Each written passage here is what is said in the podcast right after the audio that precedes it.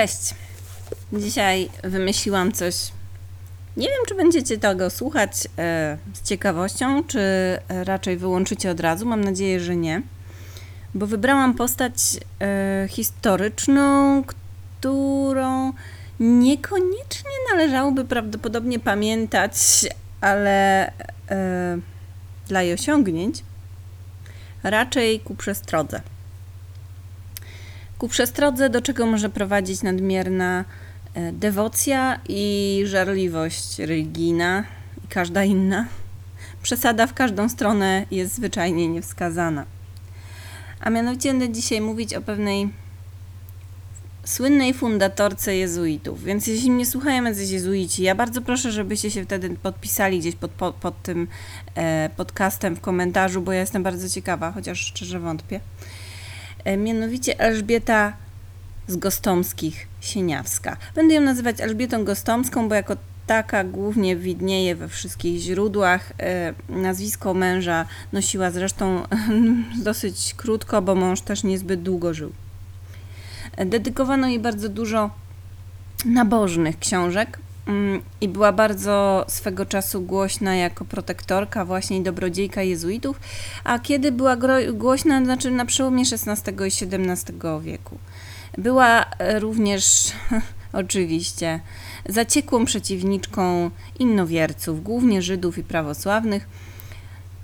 W związku z tym naturalnie, jak to napisano, zmarła w aurze świątobliwości. Jaka to była świątobliwość?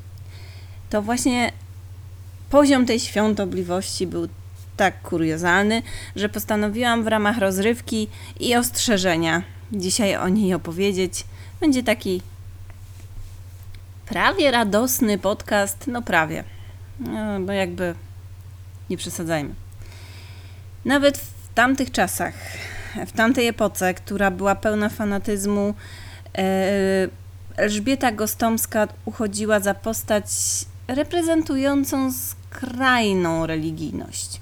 Nie chodzi już nawet o same jej praktyki dewocyjne, czyli biczowanie, samoudręki, e, raczej poziom żarliwości i zaciętości, z jaką e, w swoim pojęciu najlepiej służyła Kościołowi. Czasami nawet bywały sytuacje, kiedy nabożeństwo w jej kaplicy było odprawiane non-stop przez pół roku. E, na przykład uwielbiała także relikwie i o tym będę jeszcze mówić. I ona się nie zadowalała małymi relikwiami, tyle wam powiem. Bardzo lubiła zbierać relikwie i kompletować całe ciała świętych, skupując ich kawałki w różnych miejscach, by złożyć takie XVII-wieczne puzzle z trupów i ofiarować je jakiemuś klasztorowi. Klasztor się oczywiście bardzo cieszył. Urodziła się w 1573 roku jako córka wojewody Rawskiego, Anselma Gostomskiego jego czwartej już żony Zofii Szczawińskiej. Jak e, ksiądz Susliga niejaki, który napisał biografię Gostomskiej, e, zachwyconą Gostomską, żeby była jasność, e, jako wielkiej protektorki kościoła, napisał w tej biografii. Wychowanie jej dziecinne było pobożne i zaprawowała ją matka przykładem swoim i z młodu w postach, w dyscyplinie i w modlitwie, i gdy się czytać nauczyła, czytywała żywoty świętych i książki insze duchowne. No tak pewnie było. E, na dodatek możemy w to uwierzyć, dlatego że mm, jej gorliwość religijną musiało wzmóc to, że od 1586 roku, czyli od kiedy skończyła 13 lat, przebywała na dworze Anny Jagielonki, o której nagram osobny podcast, bo to jest bardzo ciekawa postać, ale Anna Jagielonka słynęła także z szalonej dewocji. W związku z tym mm, musiało to jakoś wpłynąć na młodą Elżunię. A czemu się przyniosła na dwór Anny Jagielonki? No, to jest dosyć proste. Mm, otóż jak skończyła 13 lat, a była panną z dobrego, zamożnego domu, bardzo zamożnego, to znaleźli się szybko panowie, którzy zamierzali zdobyć jej posag i niektórzy byli gotowi nawet na porwanie panny i siłą zmuszenie jej do ślubu, żeby ten posag dostać, co nie było wcale takie rzadkie. I jak wiemy, bogate panny miały przerąbane. Było to w jednym z moich podcastów, podlinkuję go gdzieś na dole, bardzo polecam. I z tego powodu, by była chroniona, wysłano ją na dwór Anny Jagielonki. E, przy czym no, przebywała tam 4 lata i jak skończyła 17 lat, e, wydano ją w końcu za mąż, bo kiedyś trzeba było. E, zamożnego oligarchę Prokopa Sieniawskiego. Pan młody miał bardzo wiele zalet, bo był bardzo przystojnym, e, uroczym mężczyzną, za chwilę o nim jeszcze opowiem, ale posiadał też wielką, wielką wadę, mianowicie był Kalwinem. No przerąbane u dobrej katoliczki jednak ten. No ale dojdziemy do tego, bo Prokop Sieniawski był bardzo pięknym, bardzo pięknym podobno mężczyzną. Pisano o nim nawet, bo przeczytałam, że był dziwnie pięknej wdzięcznej urody. Nie mam nigdzie jego portretu, niestety, bo byłabym ciekawa, jak wyglądała ta dziwnie piękna, wdzięczna uroda, ale co, co jeszcze o nim pisano i co podkreślano ze wszystkich sił? Mianowicie był niespospolitej siły mężczyzną. Miał legendarną wręcz siłę, był podobny, jak mówiono, jednym cięciem potrafił przecinać konia lub wołu. Powiadano też, że mu na to że mu to nie nowina była karetę poszustną z góry zapędzoną hamować, ująwszy za koło. No, czyli jakby pędząca kareta zaprzężona, jak sądzę, w konie mogła być przez niego wyhamowana przy pomocy ręcznego chwytania za rozkręcące się koło. Nie róbcie dzieci tego w domu, ale te, te, tak w ten sposób Prokop popisywał się przed królem Zygmuntem, który oczywiście łatwo po, podziwiał atletycznego tutaj swojego wielmoże. Niestety e, te popisy Sieniawskiego e, przed królem no nie mogły się skończyć w pewnym momencie dobrze, bo przypłacił je właściwie życiem, ponieważ mówiono, że w pewnym momencie podczas jednego z takich popisów, jak to się wtedy mówiło, zerwał się, czyli coś mu się prawdopodobnie uszkodziło, popadł w długą, ciężką i w konsekwencji śmiertelną chorobę. E, no, w związku z tym no, mężem to był przez 6 lat do śmierci i przez te 6 lat ze związku z Gostomską e, urodziło się czworo dzieci, jeden syn i trzy córki. E, a Gostomska przez cały ten związek bardzo pracowała nad nadwróceniem męża i jego choroba przyszła, jakby spadła z nieba, ponieważ no, jak był Prokop schorowany, to szukał pomocy wszędzie, a no, z medycyną to wtedy to różnie było, jednak nie przesadzajmy i e, szukał ratunku w religii pomyślał, że no z tego kalwinizmu to on w sumie za namową żony może przejść na katolicyzm, kto wie, może pomoże, no kurwa pewnie nie zaszkodzi. I jednak nastąpiła śmierć, no nie pomogło, ale żonie pewnie pomogło bardzo na głowę. Sieniawski zmarł w 1596 roku, pozostawiając 23-letnią wdowę i małe dzieci. Zresztą e, dzieci to tam za długo również nie przetrwały niestety. E, no takie były czasy. Cała, właściwie troje dzieci e, wkrótce także zmarło z jakichś powodów. Została tylko Gostomski jedna córka Zofia, którą wychowywała w równej sobie żarliwości religijnej i wbrew rodzinie wywiozła pokryjomu do klasztoru, gdzie zresztą Zofia zrobiła no powiedzmy, karierę w sumie, bo została tam ksienią w klasztorze w Sandomierzu. No tak, na marginesie. Sama Gostomska nie była też najlepszego zdrowia, chociaż 50 parę lat przeżyła mimo straszliwych praktyk e, umartwieniowych, nie wiem jak to powiedzieć, jakie e, stosowała. E, bo jakby Anselm Gostomski, ojciec Elżbiety, Spłodził ją jakby mając już dosyć podeszły wiek, nawet nie tylko na tamte czasy, bo miał około 65 lat, jak na młodego ojca to dosyć dużo. A jej matka cierpiała na jakieś choroby psychiczne, urojenia i e, no, prawdopodobnie gostomska kondycję psychiczną po matce odziedziczyła, że e, no, tam to nie były chyba jakieś najlepsze geny. E, więc Elżbieta chorowała na serce, zresztą próbowała się leczyć wyłącznie wodą święconą, e, co nawet księża jej odradzali, nawet oni wiedzieli, że no to jest jednak trochę bullshit i może powinna spróbować jakichś innych metod. E, no ale ona jakby uważała, że woda święcona jest dobra na wszystko, jak wiemy. Prawdopodobnie i u nas teraz się znajdą tacy, zwłaszcza w rządzie, którzy uważają, że woda święcona też pomoże na wszystko. Na, Gostomska się biczowała regularnie. Mm, ksiądz Susliga pisał, że e, broczyła ranami nawet wtedy, dni, kiedy się nie biczowała, no ale co on tam mógł wiedzieć na temat tego, czy ona się biczowała, czy nie, w końcu nie siedział z nią cały czas. No ale przypisywał jej oczywiście e, jakieś cudowne cechy, że niby miała stygmaty. No mm, i że w każdy dzień jej głowa krwią się pociła więc to przypisywał jakby, e, uważał, że była stygmatyczką. Ja myślę, że ona po prostu się umartwiała codziennie, a nie tylko trzy razy w tygodniu, jak pisał ksiądz Susliga. Mia, miewała prześladowania od czarta, że welwowiec zrzucił ją z wysokiego schodu z wielkim grzmotem. Tak, faktycznie ona spadła ze schodów. Nie wiem, czy ją diabeł zrzucił, no może. Mnie tam nie było, nie? E, ale ona bardzo później chorowała w związku z tym na kręgosłup, miała olbrzymie bóle, ale nie dawała się zbadać, ponieważ cnoty jej niewieście jej nie pozwalały dawać się zbadać, ponieważ byłoby to lubieżne, a na punkcie lubieżności ona miała prawdziwego szmergla.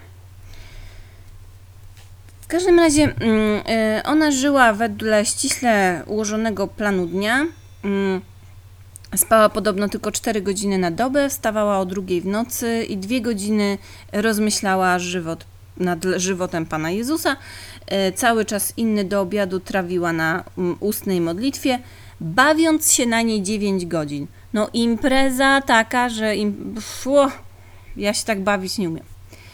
E, po obiedzie znowu kilka godzin e, się modliła a potem wieczorem, wieczory poświęcała na książki duchowne i nabożne rozmowy z dziećmi z czeladzią. Ale także opiekowała się sierotami, tam podobno nawet chwilami miała 80 sierotek, którymi tam, które tam myła i, i w ogóle e, im usługiwała. Zresztą fundowała jakieś tam posagi biednym pannom. E, aczkolwiek to usługiwanie sierotką było metodą umartwiania się, ponieważ ona robiła wszystko, czego robić nienawidziła, a zajmowanie się sierotkami najwyraźniej było dla niej tak niemiłe, że uważała, że jest miłe panu. E, bo dojdę do tego, ona jakby postanowiła zerwać ze wszystkim, co mogło sprawić jej jakąkolwiek przyjemność. E, poza tym, nawet jak już była mocno schorowana, modliła się zresztą wyłącznie klęcząc i jej kolana były podobno stwardniałe i pokancerowane, ale jednak nie rezygnowała z modlitwy na klęczącą. Przez te 9 godzin dziennie. No, dobra. Więc e, wracając do tej lubieżności, Elżbieta właśnie postanowiła wyzbyć się wszelkich pragnień zmysłowych i dręczyła swoje ciało w różne wymyślne sposoby. E, wszędzie widziała przejawy lubieżności u siebie, u innych i w ogóle miała na tym punkcie obsesję. Mm, na przykład e, sama spała na podłodze, a na łóżku na noc kładła krucyfiks, żeby on sobie odpoczął. Oczywiście e, ten biczowała się, jak wiemy, raz jeden jej ksiądz taki zabrał jej dyscyplinę, czyli taki kijek do obiczowania się, bo chciał po prostu, żeby w końcu do jasnej cholery przestała się napierdalać, bo fundowała tyle kasy kościołowi, że jak się w końcu zabije, to kasa przestanie płynąć, nie ukrywajmy, prawda? E, no, ale ona, jak jej zabrał ten ksiądz dyscyplinę, e, czy tam nawet dyscypliny, bo ona miała kilka tych e, biczyków, to ona postanowiła, nie, mogą, nie miała się czym biczować, więc zaczęła się tłuc pięściami, szczypać, targać za włosy, bić rękami o ziemię, tak że jej palce spuchły i w ogóle wymyśliła różne umartwienia takie, że jej te dyscypliny oddali, bo z dwojga złego to jednak mniejszą krzywdę sobie robiła tymi biczykami. Poza tym lubiła się codziennie, znaczy lubiła, no pewnie, nie wiem, nie wiem, ale no king shaming, polewać gorącym woskiem. Nie takie rzeczy już widziałam w internecie, więc nie, nie oceniam. Żyła też w brudzie, podobno dosyć obdorażającym, ponieważ mycie, jak wiemy, mogło również doprowadzić do jakiegoś, jakiejś lubieżności. E, więc żyła w jakichś łachmanach, spała na podłodze i miała taki jeszcze, hodowała małe pieski pokojowe. I te pieski podobno miło jej było, że ją lada, zja, zaja, za lada jakim poruszeniem w nocy oszczekiwały i sen jej przerywały. Do tego brała sobie z nich drugą okazję do cierpliwości, bo ją z onych psiąt w nocy pchły budziły, które ona dla umartwienia swego umyślnie rozmnażała. Psięta one do pokoju przypuszczając i nie umiatając tam, gdzie sypiała i czyniła to aż do samej śmierci, nie dla jakiego we psach upodobania, ale dla własnego swego umartwienia. Czyli hodowała psy, żeby mieć pchły e, i żyć w tym brudnym barłogu. Ale raz miała nawet pieska, którego podobno polubiła i ją to, że miała, odczuwała przyjemność przebywania z tym pieskiem, tak przeraziło, że kazała tego psa utopić. E, To też takie ku chwale Boga. Fantastycznie. Poza tym właśnie, wracając do tematu relikwii. Uwielbiała relikwie. I nie, że tam jakieś paluszki, okruszki, szatki, tylko całe szczątki. Miała ich mnóstwo i nie rozstawała się z nimi, nosiła je ze sobą, nawet w podróży. I nawet swoim córeczkom kazała je piastować, skrzyneczki ze, ze szczątkami i trzymała zresztą sama okazałe kości, nawet całą rękę jakiegoś świętego. I w kar- pisze ksiądz Susliga, w karecie siedząc kazała relikwie córkom w skrzyneczkach piastować. Panna starsza trzymała pospolicie świętą Konkordyją, a młodsza świętą Antoninę, a sama Elżbieta podczas albo kości świętego Bonifacjusza, albo rękę świętego Erasma biskupa. I tak sobie podróżowały ze z trupkami w skrzyneczkach i rączką trzymała za rękę Elżbieta świętego Erasma biskupa. Hmm, w każdym razie jak już miała ofiarować e, te szczątki jakiemuś kościołowi, to właśnie chciała sprzedać komplet, zrobić takie puzelki, w ogóle zbierz je wszystkie. E, Czasem, że podobno klasztorowi w Sandomierzu od, op, sprezentowała czterech świętych ciała całe w pełnym komplecie. E, No, oczywiście majątek znani jej zbijali oszuści, którzy hurtowo dostarczali jej szczątki rzekomych męczenników. Bracia zresztą Elżbiety mm, byli w takim ugrupowaniu kontrreformacyjnym skupiającym się wokół króla e, i episkopatu i dą, ten, to zgrupowanie dążyło do zaprowadzenia w Polsce przemocą katolicyzmu. A miało to polegać na wypędzeniu bądź wymordowaniu wszystkich innowierców. No, takie chłopaki mieli fantazję. Brat, jeden z braci, Hieronim, mm, się wybijał trochę na czoło, jeśli chodzi o żarliwość y, także. Być może to była rodzinna żarliwość w, w robieniu rzeczy dziwnych. Był skrajnie nietolerancyjnym chujem, znaczy y, wrogiem Arian, których wtedy było sporo na ziemiach polskich i oczywiście szczególnie nienawidził Żydów. E, postulował ich bezwzględne wypędzenie z Polski. E, no, no taki człowiek, no. No i Elżbieta być może tam się inspirowała trochę braćmi, bo sama postanowiła, że będzie nawracać Żydów, ale nie szło jej, bo oni jakoś nie chcieli się, kurde, nawracać. E, a że żyli na jej ziemiach, bo trochę tych ziem miała, to nakazała, by w jej dobrach żaden chrześcijanin nie służył Żydowi. Ścigała też Żydów za wyimaginowane wykroczenia, prawdziwe, trudno powiedzieć. Z pasją zwalczała ten judaizm.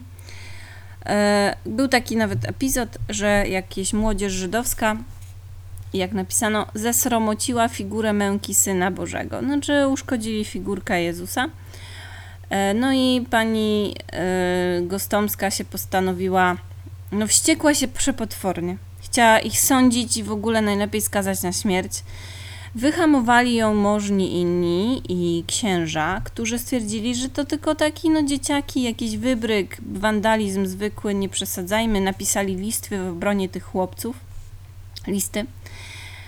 E, No, ona nie dała się tak łatwo dobruchać, kazała Żydom ze swoich włości zbudować, e, starym Żydom zbudować szubienicę nową e, i na plecach zanieść, postawić obok starej szubienicy w procesji.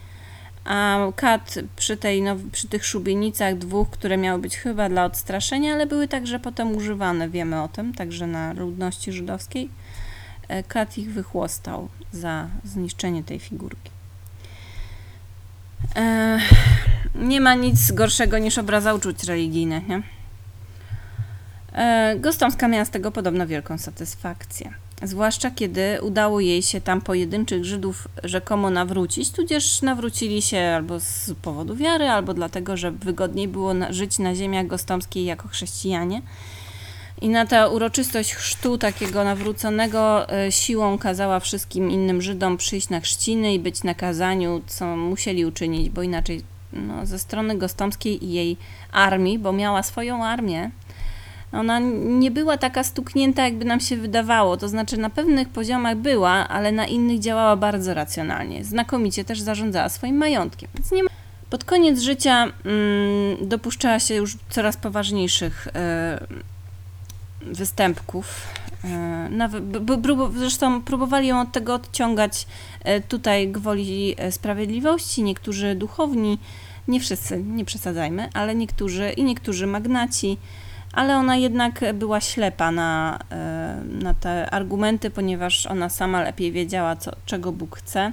Raz nawet ją zirytowało, że w, w miejscowości Ratno burznica była wyższa od kościoła katolickiego, w związku z tym, e, jak Żydzi nie chcieli jej obniżyć, to napędziła swoją czelać, by rozebrała burznicę za tę okropną obrazę, jaką było bycie wyższą od kościoła.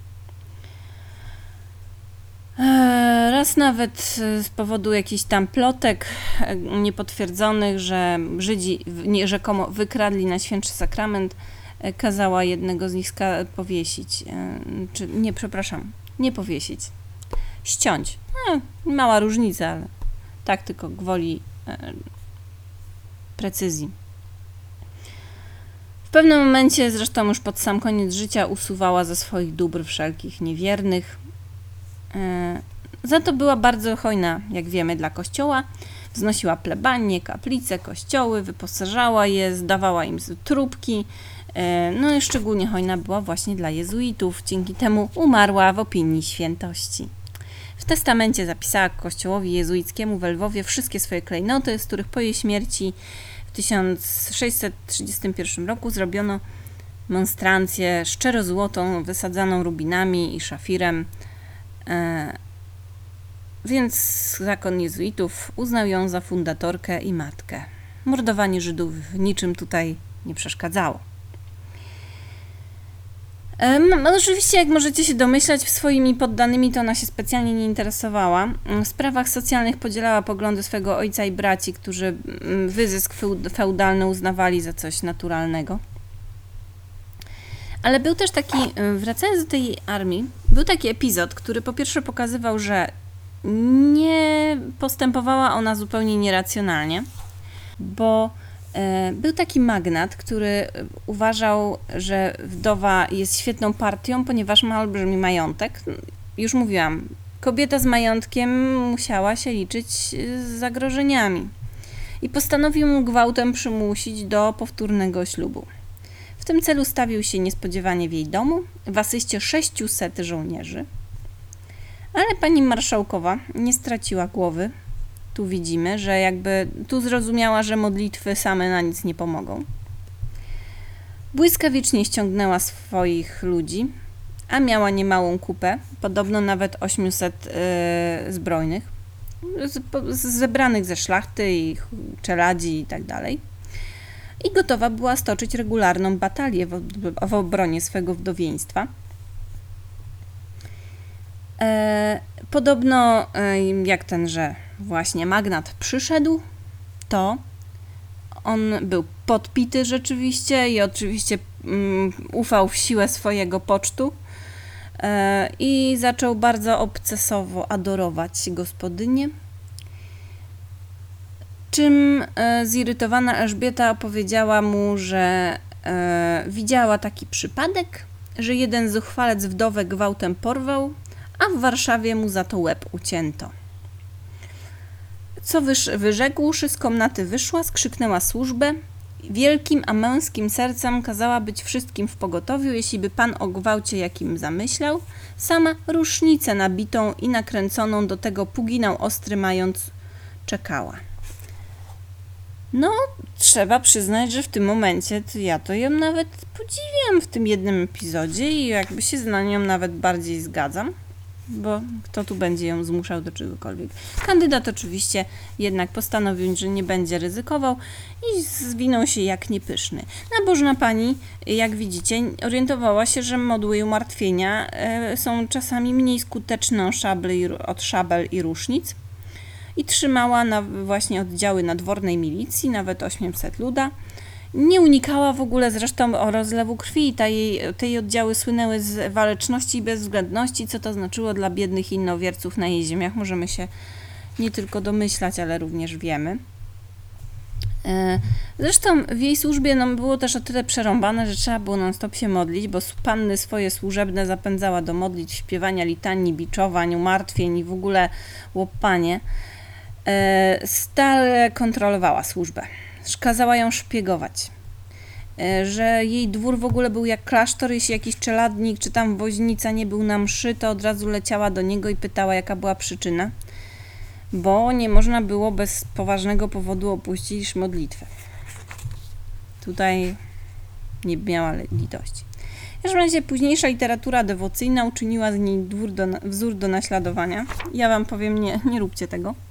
E, Jakby ja myślę, że w Gostomskiej był taki, był, był taki materiał na kobietę czynu i e, szkoda, że tak uparcie dążyła do tego, by być świątobliwą, bo cóż mogłaby osiągnąć z takim charakterem, gdyby postanowiła e, spożytkować ten zapał w innych dziedzinach życia. Zresztą ksiądz Susliga pisze, że sama mawiała, że gdyby była się była mężczyzną, urodziła, obrałaby stan rycerski, aby się mogła z heretykami bić i błędy ich znosić. I wydaje się, że mimo całego jej wizerunku była to postać mimo wszystko ciekawa, chociaż nie naśladujcie jej, naprawdę tego nie róbcie. Ja po prostu pomyślałam, że wyciągnę ją z mroków dziejów, bo była zwyczajnie interesująca, nawet na tle swojej dewocyjnej epoki. Taka ciekawostka na dziś.